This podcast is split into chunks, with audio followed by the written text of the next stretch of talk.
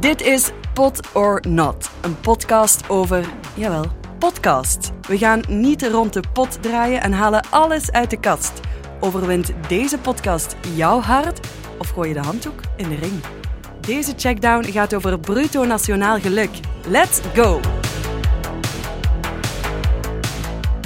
In de ene hoek zit Koen, hij omschreef bruto nationaal geluk, in één woord als een warm dekentje. en zou de podcast aanraden aan iedereen omdat Dat de podcast de perfecte compagnon is op weg of eh, gewoon thuis. Oortjes in en je bent zo een uur verder. in de andere hoek zit Sarah, zij omschreef de podcast in één woord als een stuiterbal. en zou hem afraden aan iedereen omdat Dat de podcast goede vragen stelt, maar deze zelf niet kan beantwoorden. ronde 1.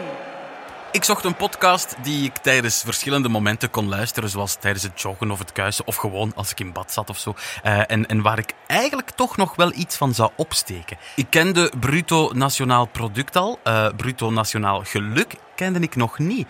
Tot ik het al zoekend naar een nieuwe show tegenkwam. De vragen die in de aflevering aan bod komen leken op het eerste zicht ja, wel wat gewichtig.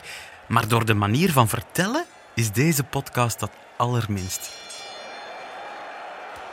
Ik ben echt een podcastverslindster. Vooral Amerikaanse podcasts. Maar deze Vlaamse podcast wou ik toch echt wel een kans geven. De vragen in de titels van de podcastafleveringen spraken mij echt heel sterk aan om enkele te luisteren. Maar helaas, helaas, zoals een perfect Tinder-profiel kon deze titel ook niet de verwachtingen inlossen.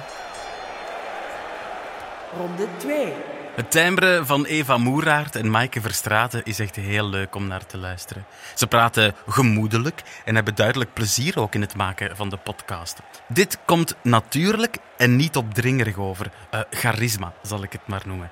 En eh, op die manier trekken ze de onderwerpen naar zich toe zonder ze te overheersen. Het zijn steeds wel persoonlijke en menselijke thema's waar ze telkens eh, de juiste afstand weten te nemen en ook anderen ten gepaste tijden de spotlight geven. Ja, de podcast is allemaal nog, nogal vlakjes. De anekdotes en verhaaltjes vind ik wat saai en konden mij maar matig interesseren. Ehm, voor mij mag er wat meer pak aan zitten. Er wordt snel van het ene naar het andere format gesprongen. Laatste ronde. Zowat tussen een verhalend en een informatieve podcast. En zo belandt hij in niemands land. Ik wil niet te hard zijn, hè, ehm, voor ze daar ook nog een aflevering aan wijden. Ik zie het al voor mij. Hoe het schrijven van positieve podcast-reviews je gelukkiger maken.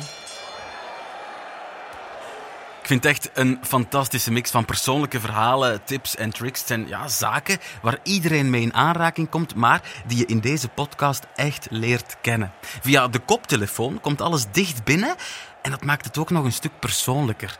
Ook eh, is het allemaal heel mooi met elkaar verweven met een liefde voor het oor geschreven. Nog iets aan toe te voegen? Buitenbaan bijvoorbeeld is een podcast die ik recent beluisterde. En daarin komt er iemand aan bod met een apart verhaal. Er wordt echt ingezoomd op de persoon. En ja, eerlijk, dat spreekt mij toch meer aan. Als de Belgen met z'n allen nu eens naar deze podcast zouden luisteren, ah wel, dan gaat het bruto nationaal geluk van België zeker en vast naar boven. Kan deze podcast de pot op of staat deze al in de wachtruimte te luisteren?